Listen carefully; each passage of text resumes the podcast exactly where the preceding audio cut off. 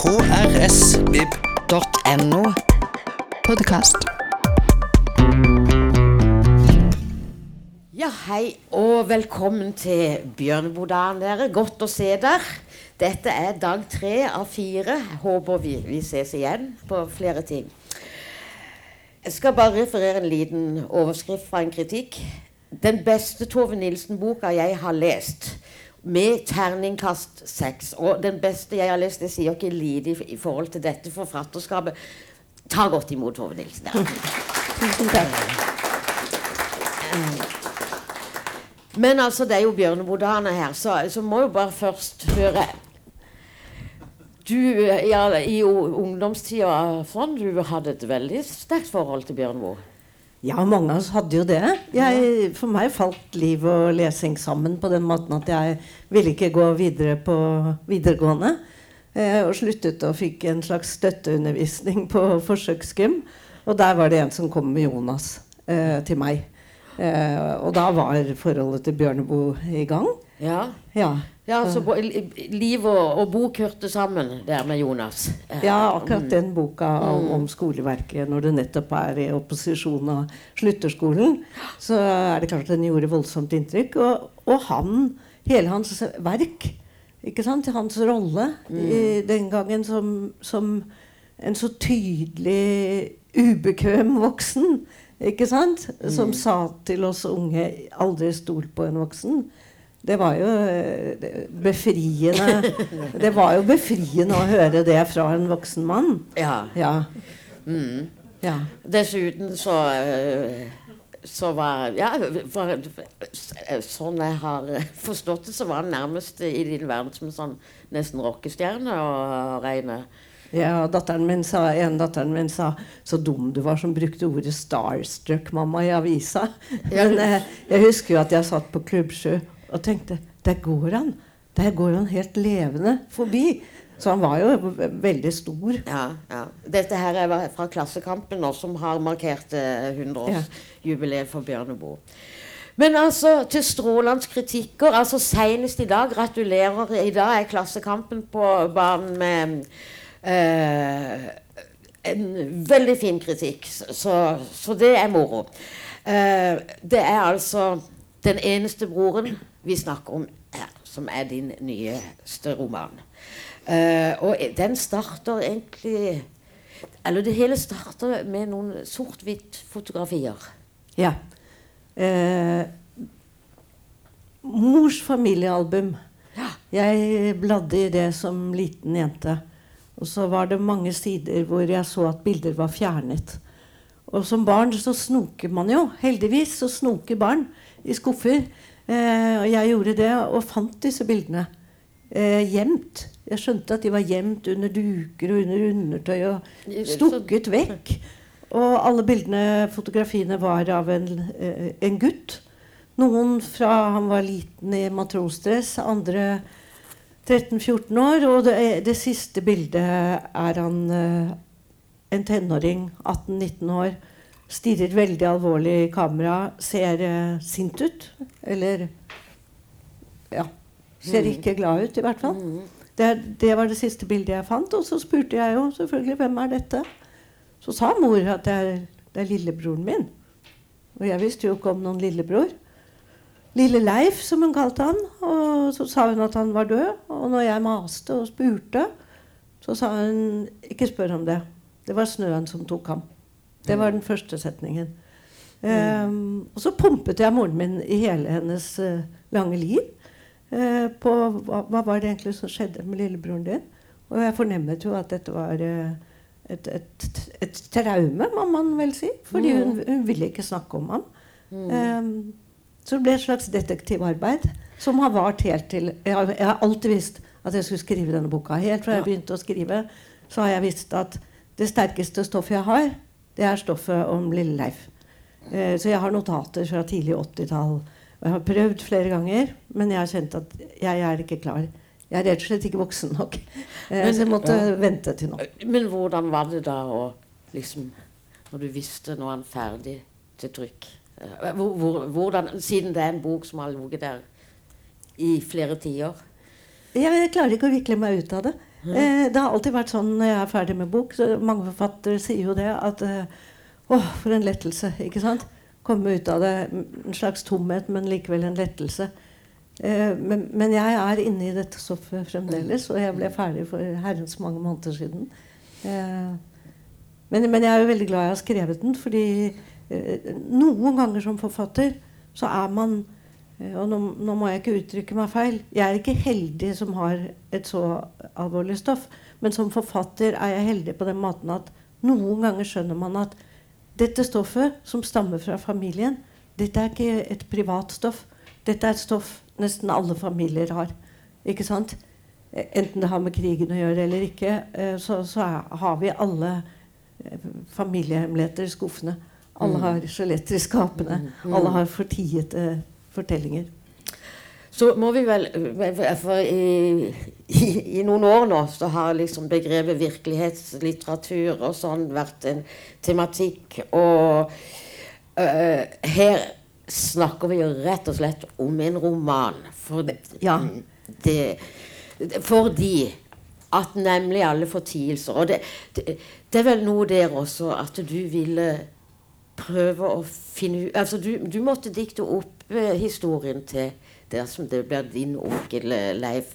Men eh, det lå vel noe der også fordi at det var snakk om Altså det, vi må jo først få etablert det. Altså det eh, vi, vi, snakker om årene fra rett før krigen starter, 1939, til 1942, egentlig. Ja. Uh, I den tida så ja. har vi jo tre dimensjoner på tid her. Men, men, det er liksom utgangspunktet, da. Og denne lille Leif, som altså blir funnet i snøen. bare for Vi avslører ikke noe, for det står tidlig i boka. Ja, altså. ja det står tidlig i boka, uh, og det ville jeg. jeg uh, noen har spurt hvorfor skrev du ikke en dokumentar når du rett og slett har et menneske som det går an å google navnet til, så finner man ham. Og, og, og, og en del stoff rundt ham. Men jeg er ikke en dokumentarist. det spennende ved en historie leder alltid til en roman for meg. Eh, så, så, det valget tok jeg tidlig. Og så må jeg jo si, siden vi er inne på dette ordet virkelighetslitteratur Det er et gjerrig, trangt ord oh, som jeg skulle ønske ble gravd ned på et jorde. Eh, og for, der vil det ikke blomstre noen ting. Der hvor det ordet er gravd ned. Eh, men i romaner blomstrer det jo. Eh, så det, det, ordet det tenker jeg vi legger, legger dødt. Mm. Men, men, det som var viktig for meg, det er Jeg eh, kan gjerne lese historiske romaner, men jeg kan ikke skrive en historisk roman. Det er et standpunkt jeg har tatt. Derfor så åpner jeg boka med en del som heter hvor det står 220 kolon, mm. eh, og klargjør at fortelleren som forteller dette, sitter i 220 og har som et av sine viktigste spørsmål hvorfor skal vi i dag være opptatt av en gutt som mm. var 17 år i 1939, mm. og som var på spranget til et langt liv, og som endte det som 19-åring? Hvorfor skal vi være opptatt av det? Og det er det viktige, på en måte min motor for å skrive dette. Ja, det var bare nå tror jeg Det var bare helt i starten her, så er det bare noe med at uh, du i Altså 'Konge i snø', som kom i, i 2014, vel, ja. der uh, Altså, der uh, I den så tar du, har du med noe Altså skriv om sine nerver. Tove Nilsen er en, uh, fre, hun fremfører en polemikk mot dem som blir moralsk forarget over at forfattere skriver om sine nærmeste, mot kritikere som er raske til å føle seg krenket på andres vegne, og spør hvorfor forfattere tror de har rett til å utlevere, uten å stille spørsmål om hvorfor noen kan tro at de har rett til å bestemme at andre skal tie. Og da er vi jo inne i essensen her. Ja. Det med å tie. Det ble tida. Ja. Du, og du lurte vel også der på, og kanskje der måtte lage en fortelling om Leif. Fordi altså lå det en skam her. Hvorfor han flykta til Sverige. var det, var det en skam over noe han hadde gjort, eller hadde han en heltaktig situasjon med å ha vært med på en sabotasje? Ja. Altså, det, dette er jo en eh, historie som fra min side er en kjærlighetsfortelling Ja. til eh, en unggutt. Eh, og så er det en spenningsroman, for det har vært et spenningsarbeid eh, å holde på med dette. Og, og leseren får jo vite hel, helt i starten at det skal skrives om en som bare Det står i Klassekampen, en, eh, omtalen jeg er takknemlig for, så står det 'løfter fram et lite liv'. Mm. Og ja, jeg vil gjerne løfte fram. Og så tenker jeg et lite liv, det har vi alle. Det har vi alle om vi blir 90 år eller 100 år eller 19 år. Lite liv. Eh, mens han ble stoppet i spranget. Mor snakket jo Av og til ble hun mild eller sentimental. Så sa hun Lille Leif og jeg hadde samme helt lik skigenser. Lille Leif og jeg delte samme festbuksa, vi. De var så nær hverandre i alder. Lille Leif og jeg hekta på trikken. Dere vet hva det er å hekte på trikken? Hekta på trikken sammen. Eh, vi sklei på støvlelæret ned de bratte bakkene sammen. Så fortalte hun om Leifs store, store ønske at han ønska seg sykkel. Men det var ikke penger til sykkel. Og så ble han ekspert på å nærme seg de hagene i det som kan kalle Dette er fra Trondheim by. Eh, de hagene som kan kalles vestkanten i Trondheim. Eh, der hvor det sto 'vugt dem for hunden' på porten. Og hvordan vogter man seg, ikke sant? Lille Leif vogdet seg ikke. Han eh, ble ekspert på å smyge inn, tjuvlåne en sykkel, rase rundt i den bratte bakken i Trondheim by. Ja. Han. Men han hadde forberedt seg på den tyvlåningen? Han hadde forberedt seg med lapp i lomma hvor adressen til sykkelens eier sto. Så hvis han ble tatt, så skulle han bare si at 'jeg er på vei for å levere denne sykkelen som noen har funnet'. Og eh, det ble en slags familiemytologi rundt Leif og syklingen hans, som var at eh, han stupte utfor en av de bratteste skrentene en gang, og da sto hele familien, mor, mormor, søstrene i vinduet og trodde nå er lille Leif død. Nå har han slått seg i hjel. Og ifølge moren kom han da krabbende opp eh, med utslåtte tenner og vrengt tinning og sa eh, 'Hvor farsken ble å ta meg, da?'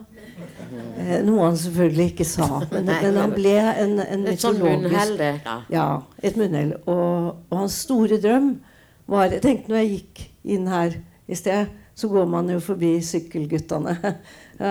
Hans store drøm var jo da å jobbe på sykkelverksted, noe han får, får lov til i min bok. Syvertsens sykkelverksted, ja. Ja, ja. Som han går og venter og håper på den jobben, og så får han det. da. Mhm. Men det er jo da tett på krigsstart, da. Så, men, Mhm. men, men han eh, Ja. Jeg, jeg bare tenkte på en liten ting med i det der øh, med for, Altså, I starten så står det også det at um, det er en, en ungdom i Og nå er vi ikke i, i, slutten av 30-tallet, 40-tallet. Nå er vi i din ungdomstid. Det er en ungdom her tidlig i boka som, som er etter hvert Fordi det, det, det kommer fram du, du skriver ikke om det, da, men det viser seg å være det som har liksom brukt nærmest de første lommepengene eller altså egne midler, som går og kjøper en singel. Og setter på den. Og man skulle jo da tro altså, at hadde det vært en sånn opprørsk rockelåt som generasjonen over ikke kunne noe med og sånn. Men det er jo ikke det du setter på. Nei, det, det er en, dette er jo en, en fiksjon, som du sier. Det er en roman. Men Ja. jeg bruker episoder jeg husker. Og jeg husker veldig godt at jeg hadde kjøpt en uh, singelplate uh, til den nye platespilleren vår. Og det var en uh, barnestjerne som bodde i drabantbyen der jeg vokste opp. Hun het Anne Karine Strøm. Og hun hadde gitt ut en plate med et av tittelsporene het 'Klokkene ringer for deg', fra Hemingways tittel om de som aldri vendte hjem fra krig. Det var en sentimental etterkrigslåt, og jeg satte den på. Og mor tok den lille leiligheten vår i tre skritt, rev nesten armen av platespilleren og sa 'aldri spill den her mer'. Og da, da kjente jeg jo hvilket trykk som lå i tapet av lillebror. Og du nevnte dette med at, at fortelleren spør i, eller graver i lagene av mulig skam. Og én skam som kan ligge rundt historien om Leif, det er eh, og det jeg skal fortelle nå, er reelt. Altså, Leif forsvant fra gården han bodde i. Bodde med mor, mormor og tre søstre. Forsvant uten en lyd, uten et tegn, uten et brev. Ingenting. Ble bare borte. Og var borte lenge. Og så, etter hvert, etter lang tid, kom da historien for en dag. At han rømte med en arbeidskamerat, en annen mekaniker. De dro til Færhagen ved Røros. De tok toget fra Trondheim til Røros. Så gikk de til fots til en gård som het Færhagen. Der eh, skulle bonden i huset følge dem over til Sverige. Det er egentlig ikke en så lang gåtur. Og dette var 15. november. Det hadde ikke kommet snø. Og de begynte å gå med, med bonden i huset. Eh, så ble det litt skyttvær. Bare litt. Og de tenkte dette er ekkelt å gå i. Vi snur. Uh, så lå de over et par netter til. Og da så datteren i huset sitt snitt. For hun het Ingeborg Anna Færhagen. Og var noen og tyve år og hadde en to år gammel sønn. Hun var ugift, hadde kjæreste i Sverige. Og hun må ha tenkt at jeg følger disse to ungguttene, for da kan jeg hende jeg får se kjæresten min. Eh, hun var ingen flyktninglos, grenselos. Men hun ville sikkert gjøre en, en gjerning også. Men hun håpet på å se kjæresten sin. Og Så går de over fjellet, og så har de gått et par timer, kommet opp i det bratte. Så kommer snøstormen helt ut av det uventede. En, den ene kameraten klarer å gå videre. Kanskje hadde Ingeborg Anna Færhagen også klart å gå videre. Men hun velger å bli hos den yngste flyktningen. Um, hun velger å bli hos lille Leif på 19 år, som er en spinkel liten gutt. Og hun fryser i hjel sammen med ham. Så hennes plakett henger på veggen til uh, Røros kirke som en uh, æresplakett for hva hun gjorde. For hun ble jo da som en krigshelt. Mens rundt Leif, og, og, og, hun virkelig fortjener altså Den historien der fortjener jo en egen roman. Og om det er jeg som skal skrive den det, Nå må du ikke det, gi det, her nede. Nei. Jeg, jeg, skal ha den historien før dere. Altså. Eh, det, det, kan godt hende jeg skal skrive den ja. en gang. For det, det, er virkelig en historie. Eh, men rundt Leif ble det jo helt, helt stille. Eh, jeg, jeg, vet at han satt mye i Nidarosdomen. Ja. Og jeg tenkte da jeg, jeg skjønte da jeg gikk løs på dette stoffet, at endelig får jeg skrive om Nidarosdomen. Mm. Og jeg har gått med mor fra jeg var liten, og mor sa og pekte opp på galleriet og sa Der kommer munken. Etter klokka elleve i kveld. Der kommer han glidende fram. Åh, jeg var, jeg syntes det var så skummelt som liten. Jeg kilte nedover eh, nakke og rygg. Så spurte jeg domprosten når jeg var kommet midtveis. Jeg ringte og sa kan, kan jeg få sitte helt alene i Nidarosdomen. For det gjorde han jeg skriver om. Og så var hun så grei. Så låste hun meg inn. Så satte hun seg i et hjørne. Så sa hun kan jeg gå ut litt også. Ja, jeg vil gjerne være her helt alene. Jeg fortalte det til en uh, kollega, så sa han Sov du over? Nei, gjelder ikke. Jeg ikke, for det er klart, selve prøvelsen det er å sove aleine i Nidarosdomen sammen med munken. Eh, det, det, er prøvelsen. Det, det, har jeg ikke gjort. Eh, det gjorde ikke Leif heller. Ja, det, men det er et mektig rom å være i. Ja. Uh, uh, du forteller om eh, rosevind rosevindu? Ja, ja. Ja. Rose, ja, det store rosevinduet. Det store rosevinduet, ja. Nemlig. Og der kommer det en kommentar fra eh, bestemor i, i, romanen at ja, det var det vi som ordna. Ja. altså Dette er jo, en, dette er jo et gutteportrett. Mm. Og det er ikke minst et farsportrett, eller et mm. portrett av savnet etter mm. sjømannen, faren som er matros, og som bokstavelig talt flyter rundt på havet hele tiden. Um, Men kanskje, Men, du, eh, kanskje du først skal lese litt fra det som det er damegården? Ja, jeg vil gjerne det, men jeg må, jeg, jeg må få svare Ja. på det med rosevinduet. Ja. Eh, fordi altså, Leif er jo bare omgitt av damer. Mm. Og mormoren som bor med dem, kalles Ståle. Eh, og på gateplan så sies det om henne at hun er en dame med linjal i ryggen, knappenåler mellom leppene og hengelås på fristelsen. Hun eh, var en dame ingen Altså, Leif tenker de som tror på jomfrufødsel, de burde legge vekk Bibelen og komme hjem til oss og se på mormora mi. For hvordan kan mormora mi ha hatt en mann som ble til mora mi? Leif skjønner ikke dette. Eh, men, og han spekulerer veldig mye rundt dette med jomfrufødsel og mormor. De bor i damegården, og over dem bor hun som kalles pene Margot Munter, fordi hun både er pen og blid. Til tross for at han som gjorde henne gravid, forduftet så snart graviditeten ble synlig, og siden har ingen hørt fra ham. Heller ikke datteren, som for lengst har blitt stor nok til å lure på hvem faren hennes er. Oppe i tredje bor også hun de kaller tante Trådløs, fordi hun så ofte kommer for å låne trådsneller, noe som bare er et påskudd for å få sitte i timevis ved kjøkkenbordet deres og supe kaffe og skravle om alt og ingenting, til de alle verker etter å få henne på dør. Men tante Trådløs har overtaket, siden hun kan skilte med fem svangerskap, men ingen barn.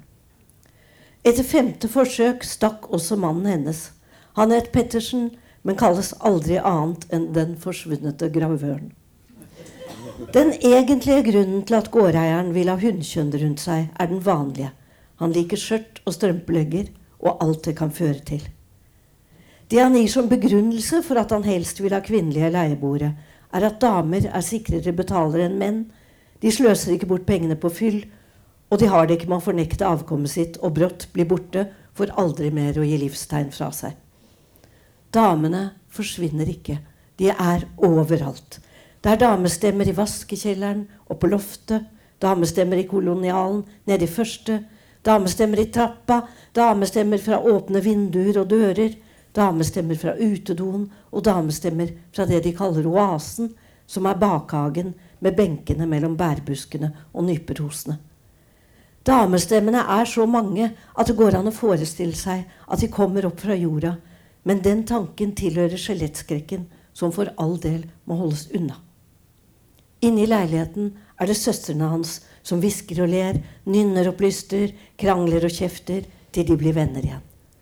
Så lenge han kan huske, har han levd mellom jentegreier. Både de skjulte og de synlige. Det er utrolig hvor mye som skal til for å bli dame. Strikkekluter som lukter blod før de kokes og gjemmes i den forbudte skuffen til neste måned. Varmeflasker som må gå på omgang i den uka da alle tre blør på likt og er så krakilske at det er som å bo i en kruttønn. Attpåtil tyr alle tre til samme bortforklaring etter sinneutbruddene eller gråtetoktene sine. Det er ikke deres skyld. Det er månens skyld. Det er månen som styrer dem, og når han protesterer, kommer de trekkende med flo og fjære, og når månen kan styre noe så veldig som havet, må den ikke da kunne styre temperamentet deres? Og må ikke alle skjønne at de ikke kan stå til ansvar for hva månen steller til her nede på jorda? Månen lyser over strømper og strømpeholdere som henger til tørk over stolrygger. Månen lyser over brystholdere og underkjoler. Månen lyser over underbukser og hofteholdere. Månen lyser over stort og smått. Preserves for ikke å få svetteringer i bluser og kjoler. Parfymeflakonger og flasker med rosenvann. Tuber med mentolatum til såre føtter etter arbeidstid. Talkum til sålene i skoene. Peppermyntedråper for frisk pust. Pudderkvaster og fløyelsbånd med dingeldangel. Medaljonger med bilder i. Hårspenner, så mange at de kalles lus. Kammer overalt. Dagbøker som det er dødsstraff for å nærme seg. Krølltanga som varmes på ovnen, og som får det til å lukte svidd hår lenge etter at de har luftet. Når guttene i skolegården påsto at de hadde sett jenter nakne, når de skrøyt av at de hadde møtt jenter med dotter digre som bjørnefitter, og at jeg hadde stukket en finger inn og kjent safta renne nedover håndleddet. Når de snakket som om de var bukseforlova, men ikke hadde peiling, da tenkte han at han sto overfor skittunger, og han orket ikke å høre mer. Orket ikke å svare. Orket ta knapt å tenke på hva gjøken sier. Ko-ko, sier gjøken. Kan ikke annet. I sånne situasjoner ville han bare gå sin vei, men samme hvor langt han gikk, endte han hjemme. Det varmes alltid vann i den største kjelen. Det drypper alltid fra kjøkkenkrana. Det krittes rundt mønsterark og klippes i stoffer. De to symaskinene som til sammen kalles firma, surrer og går seint og tidlig.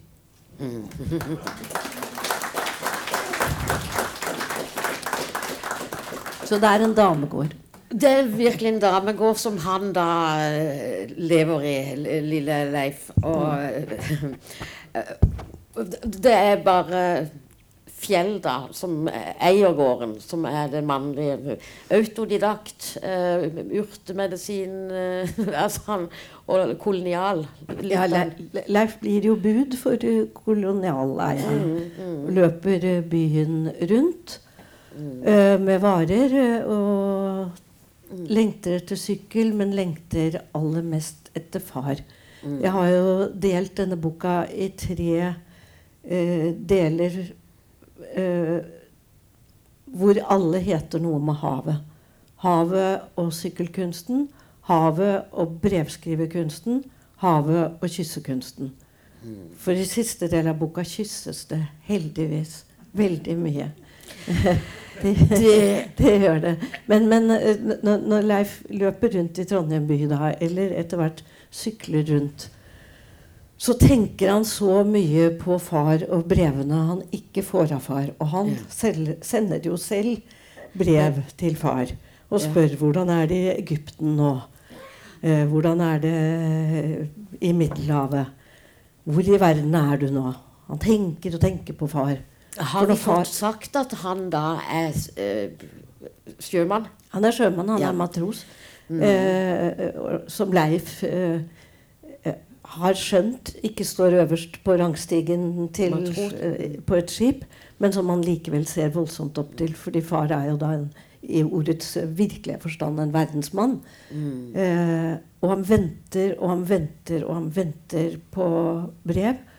Og jeg kan bare forestille meg hvordan en gutt som lever i det jeg nettopp leste opp, lengter etter de periodene da far kom hjem. Eh, og går rundt i huset som en gjest, som sjøfolk alltid gjør. For de Ja. vet ikke hvor noe er.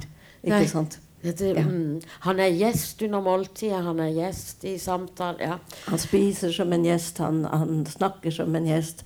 Men han tar Lille Leif til side helt, for han er virkelig Lille Leif. Og fordi han mener at noe av det viktigste man kan lære her i verden, det er å svare for seg når man møter en utlending. Eh, så han lærer jo Leif å snakke engelsk.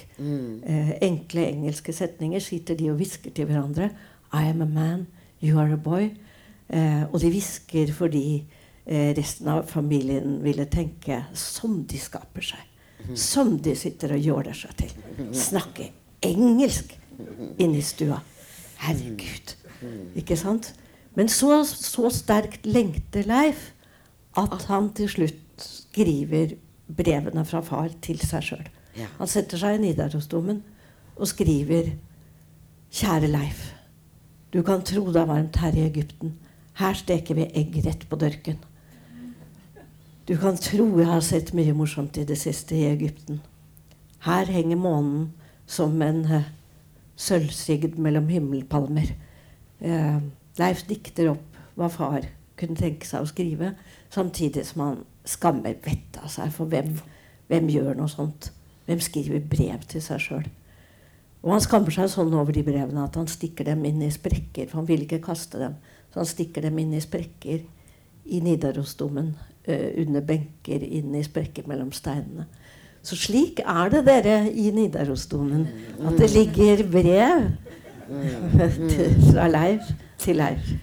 Håndskrevne. Men må, må vi, når vi først er tilbake til domen, som du eh, Domen, bruker som begrep, da, så var det dette store rosevinduet. For dette, det, nå er det Ja. også klart at eh, mor og mormor de har som yrke oss, de syr. Du holder orden, altså, for jeg snakka meg nå helt vekk fra hele dette rosevinduet. Men du, deg er det trygt å snakke med, for du mister aldri tråden. Eh, det er, altså Jeg skriver bare domen. Fordi i, i Trondheim så er det jo Jeg vet ikke hvordan det er her, men i Trondheim så er det jo bare Det er jo bare turistene som sier Nidarosdomen. Men eh, hjemme så heter det jo Domen. Ja, altså, på Eh. trøndersk, jo kortere ord, jo bedre er det. Ja, ikke sant. Men i hvert fall. Leif har en skoletime, eh, får høre den utrolige historien om innsamlingsaksjonen eh, som skulle til for å få dette vakre rosevinduet eh, i Nidarosdomen. Og eh, lære på skolen at det er hele folket som har samlet inn penger og kommer hjem og sier dette.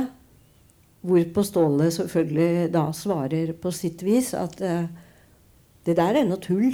Det var noe vi som klarte det der. Mormor, altså mam, mora di og jeg. Eh, og det som er historien, er jo da at, at det var eh, eh, kvinnene i Trøndelag, Trøndelag som eh, satt og strikket og sydde til tombola. Eh, det kom inn eh, 1600 eh, håndarbeider som ble loddet ut. Men i familien til Leif så er det de 1597 håndarbeidene. De, de teller ikke. Det var eh, de tre håndarbeidene som mormoren og moren til Leif leverte inn. Som, Som i grunnen har skapt hele, hele rosevinduet. Ja. Mm. Du sier eh, at du, eh, ja, du har delt i tre også med havet i alle tre. Og eh, mormor har jo et spesielt forhold til havet. Ja. Um, altså, jeg driver ikke med slektsgransking, det har jeg aldri gjort. Men jeg vet hvor spennende det er. Og jeg vet jo at eh, Kanskje mange her har helt lignende historier hvis man går et par ledd tilbake, som min oldemor hadde. Altså Ståle, da, som jeg kaller henne. Ståle. Ja. Hun bodde på en av øyene i, i, på Nordvestlandet. Og hadde fått sitt første barn. Og ventet flere. Og så for seg et flott og lykkelig liv der ute på øya med sauer. Og, eh, og så ble mannen hennes skyldt på havet en dag. Han kunne ikke svømme. Eh, da var det livet. Ekteskapet over. Da dro hun til byen, eh, som først var Kristiansund. Og så til Trondheim. Kjøpte seg en symaskin, lagde seg et eget skilt hvor det sto 'finere damesøm'. Så begynte det nye livet. Eh, som da jeg leste om, som er symaskinene som kalles firmaet. Men, eh, men, men så, så havet, det at havet spiller så stor rolle i denne boka, er ikke bare fordi Leif lengter etter far på havet, men, men fordi havet er skjebneelementet i denne boka. Eh, et av skjebneelementene. Eh, s- mormor sitter og ser på de andre. De spiser fisk. De spiser fisk, de spiser fiskekaker, fiskeboller. Fisk, fisk, fisk, dag etter dag etter dag. Mormoren rører det ikke. Mormoren fnyser over at dere spiser det som kommer fra den største av alle kirkegårder. Mm. Eh, mormoren spiser målselvnepe og flatbrød og poteter. Mm. Ja. Måltider Det var veldig deilig å skrive så mye om mat. Ja. Eh, som denne boka handler veldig mye om, om mat, og ikke om den maten som vi spiser. Det handler virkelig ikke om sushi. Eh, det, det, det handler om eh, det som vi nå kaller retromat. Eh, ja. jeg, jeg likte veldig godt å skrive meg inn i de luktene og smakene. Ja, også Den maten blir jo også et sånn tidsbilde på hvordan de har det. For dette, du beskri beskriver veldig fint eh, både maten og måltidet. Der de sier da, det, føles raust når du er i 1939. eh, at de, koser Og de, de prater, og, og de spiser godt. Men så kommer vi over i krigens dager, da, der måltidene blir snauere og snauere, og praten blir stillere og stillere. Mm. Fordi det var mindre og mindre på bordet. Jeg husker selv eh, Mange av dere husker sikkert det samme. At man hadde foreldre som begynte å snakke om akkurat dette vi kom inn på nå. Og jeg tenkte kan dere holde opp? Kan dere holde opp? Kan dere holde på å snakke om de der triste måltidene under krigen? Orker ikke høre om det. Og også som voksen har jeg tenkt noen ganger Har det ikke kommet mange nok bøker om dette stoffet? Etter å ha stilt meg det spørsmålet noen ganger, så ble jeg overmannet av en skamfølelse. Så tenkte jeg Sitter vi og tenker sånn? Har det ikke kommet mange nok bøker om dette? Altså, Hva gjør man da med den ene, dette som kalles et lite liv? Hvilken respekt har man da for de livene som var den gangen, og som mange av dem er helt ubeskrevet? Eh, da gjør man dem til, eh, til mindre enn ingenting. Og jeg kjente jeg fikk en voldsom trass. Selvfølgelig trenger vi historien om Leiv. Jeg trenger den. Jeg kunne ikke, kunne ikke eh, Jeg tenker nå, eh, når jeg er så langt ute i skrivelivet, at hvis jeg ikke må skrive en bok, da skriver jeg den ikke. Jeg vil ikke være en bokprodusent. Jeg vil ikke tenke hm, ja, den boka der den kan sikkert være morsomt å holde på med et år. Hvis ikke jeg må gjennom stoffet, da får det heller ligge. Altså, da, da, da, må jeg gjøre noe annet. Uh, så, det å, løfte fram en familie fra den tiden, som er helt anonyme, hverdagslige mennesker, med den storheten i seg som mm. alle hverdagslige mennesker har, mm. det har nok vært gleden.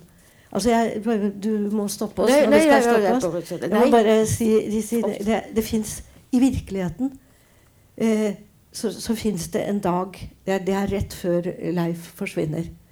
Eh, I Trondheim by. Hvor eh, nazistene eh, annonserer en festgudstjeneste i Nidarosdomen for å feire at Quisling er utnevnt som ministerpresident. Da tar sognepresten i Trondheim by og lager opp en hel masse flygesedler som deles byen rundt. Mm. Og hva skjer? 5000 mennesker i Trondheim på en iskald, iskald dag stiller seg med ryggen til Nidarosdomen. Det er livsfarlig. Så står de med ryggen til, og så synger de 'Hvor Gud, han er så fast en borg'. Når jeg ser de bildene fra det, så, så, får jeg en sånn type grøsning. Og jeg ser en skikkelse som jeg tenker Der står Leif. Der står Leif også. Kan hende han ikke gjorde det. Men, men, det å dikte rundt denne perioden, det har vært noe av det mest spennende jeg har holdt på med noen gang. Det må jeg si. Ja, um, så, og hvis en ser det på altså det strammer seg til for denne familien. Altså for uh, den nest eldste søstera, Kristine, har uh, en sykdom, trenger medisiner. Ja. Og uh, de har så lite mat. Ja. Han er ute og, og stjeler litt i åkre og sånn. Han går på, ikke på epleslang, men på matslang. Ja, på og han matslang, drømmer om å gå på grisungeslang og lammeslang og Ja. hønseslang. Han drømmer om det. Ja. Men dermed så er jo han ja, den, Også når det gjelder når de skal komme seg ut på jobb, disse søsknene altså, De må gå på vakt for hverandre. Så han må jo etter hvert ha følt seg altså Han må jo ha vært betydningsfull i familien i forhold til det han holder på med. Altså ha- hatt et stort ansvar. Ja. Han, han var jo den som de spøkte alltid når far dro med bagen, skipsbagen sin. Og var ofte, oftest borte et år av gangen. Eh, under krigen var han uteseilende fra 1939 til 1946 og kom hjem eh, og trodde at han hadde fire barn. Han trodde han fremdeles hadde en sønn. Eh, men da spøkte de alltid med Leif, som sto der i matrosdress. Ikke sant, med at 'Leif, nå er det du som er mannen i huset.' Og så lo alle. Og han skjønte at dette var tull. Men etter hvert så blir han jo mannen i huset. Han blir den eneste mannen. Og han blir den som kan gjøre de sterke tingene. Og han blir den som de forventer skal passe på seg. Mm. Eh, F.eks. i det året 1942 som, hvor, hvor vinteren ble en terrorvinter eh, i, i Trondheim by. En virkelig, Mm. Hvor befolkningen går stille rundt og er terrorisert, rett og slett. Mm. Eh, hvor mange menn samles inn og sendes til Falstad. Og hvor alle byens jøder er eh, arrestert. Eh, I denne situasjonen så må Leif følge sine søstre til og fra arbeid. Mm. Eh, og han vet hvor stort ansvar han har. Mm. Og så blir han borte. Så der ligger mystikken i at uh, Ja, og det skal jo ikke jeg si hvor, hvor, Nei, nei. hva som skjer før Men dette. Ja. uh, som du sier at du har delt den opp i tre deler. Og, tenker, og du sier du har uh, hatt den ja, i fortellinga i- i det fra ja, 80-tallet, som begynte sånn. Ja. Jeg syns, um, jeg syns liksom komposisjonsoppbyggingen er så så flott her. Men jeg tenker også at det må ha vært en utfordring å finne For dette som du sier, vi er i 1920, nei, 2020. Vi er i de tre årene der. Og så er det litt fra 60-tallet. Altså hvordan Når du sitter at vi har det, hatt det stoffet så sterkt, og, og hvordan skal man bygge opp dette? Ja, det, og det er jo det som er eh, Altså, hvem som helst kan ha et, et, et, et, et kjempedramatisk stoff. Eh, og dette er jo en, en dramatisk historie. Men hvordan fortelle den? Det er jo det som er hele spørsmålet. Det er jo det som gjør Og, og jeg lover at da jeg gikk løs på dette og tenkte Altså Dette er om en person som har eksistert. Gjør jeg det dårlig? Ja, da brekker jeg nakken som forfatter. Så jeg lover at jeg har sittet og ropt for meg selv. Jeg får infarkt av denne boka! Men det er når det er et salig øyeblikk. Før, før det kan man jo bare notere. Før man finner formen. Synne Skauen, som er komponist og, og, og, og, skribent, forfatter hun òg, eh, hun har et nydelig uttrykk som hun kaller 'fornemmelse for form'. Og det, det, det, det er det å, å jobbe seg fram mot fornemmelse for form som, som løser en bok. Og når, det er nesten et sånt aha-øyeblikk. Altså at når du, Etter å ha bakset og bakset og bakset, så plutselig kjente jeg Hvorfor bør du gjøre det så vanskelig? Det er bare å innrømme at du er en forteller som sitter i 22 og ikke kan la være å fortelle dette, og så dele det opp i tre deler. En for hvert av disse årene. Og så visste jeg at det er i, det, i perioden når en ung gutt er 17 til 19 Altså da er han på sitt kraftfulleste, og, sitt, men, og drømmene er så store. Mm. Framtidsdrømmene er så store. Og jeg ville at Jeg ville at, at, at det løftet skulle kjennes eh, som Leif har når han da sykler rundt i Trondheim by og ser for seg alt det fantastiske han skal få ut av livet. Mm. Mm. Og derfor ville jeg varsle allerede i starten at dette handler om en gutt som fikk bare bli 19 år. For da har jeg sagt det. Og da er jeg tro mot noe jeg har bestemt meg for at jeg skal være tro mot resten av min bokskriving. Du tar ikke håpet fra leseren på siste side. Altså de romanene som gjør det, hvor man sitter igjen og tenker Hva? Er det så trist? Er det ikke noe håp i denne fortellingen? Nei, sånn kan man ikke skrive. Nei, nei, nei. Nei. Vi må jo løftes. Ja. Mm, mm. Ja, og det er, og det, som du også har fått uh, mye hyllest for, eh, en virkelig en skildring av et ungt menneskes liv. Sårbarhet og lengsler og drømmer. Her er det vel til, han har til og med heltedrømmer om seg sjøl, sånn nærmest. Leif, ja. Ja. Å ja, ja, ja. Han, han går langs eh, Nidelva. De er, altså, de, de er jo ikke fattige, men de har jo innmari dårlig råd. De er jo lavt nede i samfunnet. De eier jo ingenting. De bor i en trang, liten leilighet hvor de gjør om stua. Eh, og, det, og det gjorde de. Det husker jeg. Jeg har jo vært i denne damegården og sovet på rommet til Leif. Og jeg kjenner alle luktene og lydene der og vet hvor trangt det er. Og de, de, de bredte jo ut, man gjorde om sofaen til sovesofa og la ut madrasser. Og, og ryddet det fort vekk om morgenen så ingen skulle se at de sov i stua. Ikke sant? Eh, men, men, i denne, dette litt, litt, trange hverdagslivet så går jo Leif langs Nidelva og tenker at en dag så må jeg komme over en som nesten holdt på å drukne. Jeg må få redde eh, datteren til en riking. Eh, han ser for seg, eller Jeg må få redde en amerikansk turist som har lommene fulle av dollarbunker. Altså, og han ser for seg hvordan det da skal stå i Adresseavisa eh, Trondheims store sønn. Ikke sant? Helten vår reddet en amerikansk turist i går. Altså, han, han lager disse historiene i hodet som alle, vi alle Bare innrøm det. Vi har alle gjort det. Vi har alle gått og drømt om eh, heltegjerninger vi skal utføre. Um, ja. Ja, vi overlater enkelte mysterier til, til dere som lesere. Og så må jeg jo si, altså, som du sier, det er mye kyssing i, i siste del. I disse koronatider, les den også med stor glede. Dere kan kjøpe boka her nå etterpå og få den signert. Tusen takk for at dere kom, og tusen takk for at du ville komme til oss på Bjørneboe Dam, Tove Nilsen. Jeg vil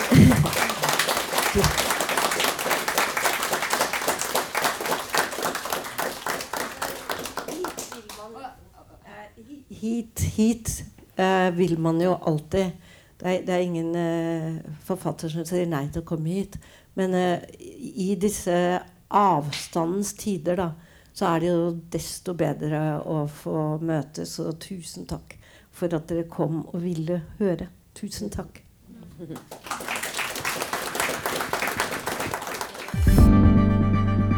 Flere podkaster fra oss finner du på Google Podkast Apple Podcast eller iTunes, eller ved å stikke innom vår hjemmeside på krsbib.no.